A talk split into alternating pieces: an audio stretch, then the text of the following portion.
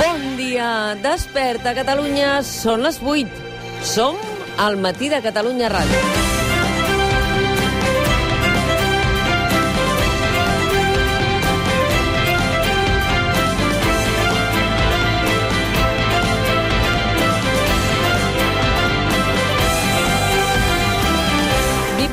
En un país on per escriure una cançó satírica contra la monarquia borbònica et porten a judici, et condemnen, demanen la teva extradició, en fi, ja us ho sabeu. I, en canvi, per embutxacar-te comissions milionàries, gràcies a la teva posició com a cap d'estat, ni tan sols t'investiguen políticament. Ahir el Congrés dels Diputats, una vegada més, va tombar la comissió d'investigació sobre els negocis del rei emèrit com a cap d'estat. I això per què? D'una banda, perquè ho diu la Constitució del 78, allò de la inviolabilitat, i ara resulta que és tant si era cap d'estat com si ja no ho era. I ho refrenda una vegada i una altra, i aquesta és la clau. La voluntat política dels grans partits espanyols representats al Congrés del 2020, PP, PSOE i, en aquest cas, l'extrema dreta, també. Després hi ha qui es pregunta per què, si ara la Constitució del 78 se sotmetés a referèndum, no s'aprovaria.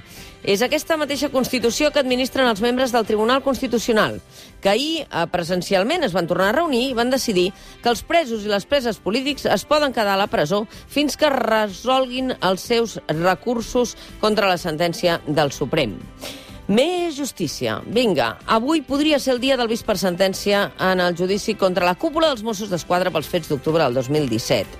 Atenció, perquè què està en joc en aquesta sentència? L'actuació del cos de la Policia Nacional Espanyola i la Guàrdia Civil de manera indirecta durant la celebració del referèndum d'autodeterminació de l'1 d'octubre. És això el que està en joc. Perquè si el Tribunal, si l'Audiència Nacional acaba considerant que el major Josep Lluís Trapero va actuar d'acord amb les seves obligacions com a policia judicial, posant-se a disposició de Fiscalia i dels tribunals i demanant que se suspengués el referèndum i va intentar garantir la convivència ciutadana, que és el que li ordenava la jutgessa del TCJ, aleshores, qui va desobeir qui va posar en perill la convivència ciutadana va ser la Policia Nacional i la Guàrdia Civil amb les càrregues policials. I això és el que està en joc.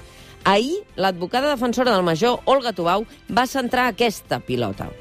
I no deixem de parlar de Mossos, però per fets molt diferents i no amb els mateixos protagonistes, precisament. Si el cap del cos dels Mossos d'Esquadra, Eduard Sallent, escriu un comunicat on diu que el cas del Gubi i l'actuació racista dels agents dels Mossos a Sant Feliu Sacerra respon a un cas aïllat, la pregunta inevitable que ens hem de fer, amb tot el respecte, és on són els comunicats de condemna dels sindicats dels Mossos d'Esquadra? On són els Mossos d'Esquadra?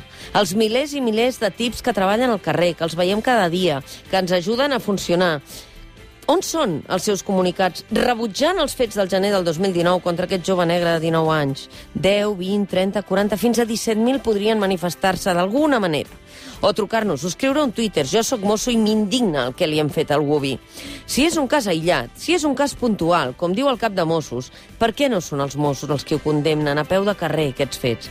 I així la ciutadania d'aquest país entendria que una cosa és la defensa dels companys a nivell corporatiu, però una altra molt diferent, la connivència amb aquesta brutalitat i amb aquest racisme. És aquest silenci dels nostres Mossos el que és més feixuc de pair. El silenci que s'arrossega també des del cas de les sentències contra l'inspector Jordi Arassa. Aquests silencis remen en contra de la confiança col·lectiva. Aquest silenci no ajuda els Mossos d'Esquadra. I avui, aquí, al Matí de Catalunya Ràdio, ens hem d'ocupar també d'altres qüestions. Ens ocuparem del presumpte cas de corrupció que sacseja l'Ajuntament de l'Hospitalet de Núria Marín. Ha plegat el regidor que ho va denunciar, en Jaume Graells. L'entrevistarem ara. I també ahir al vespre, un dels regidors que va ser detingut i deixat en llibertat amb càrrecs, en Cris Plaza.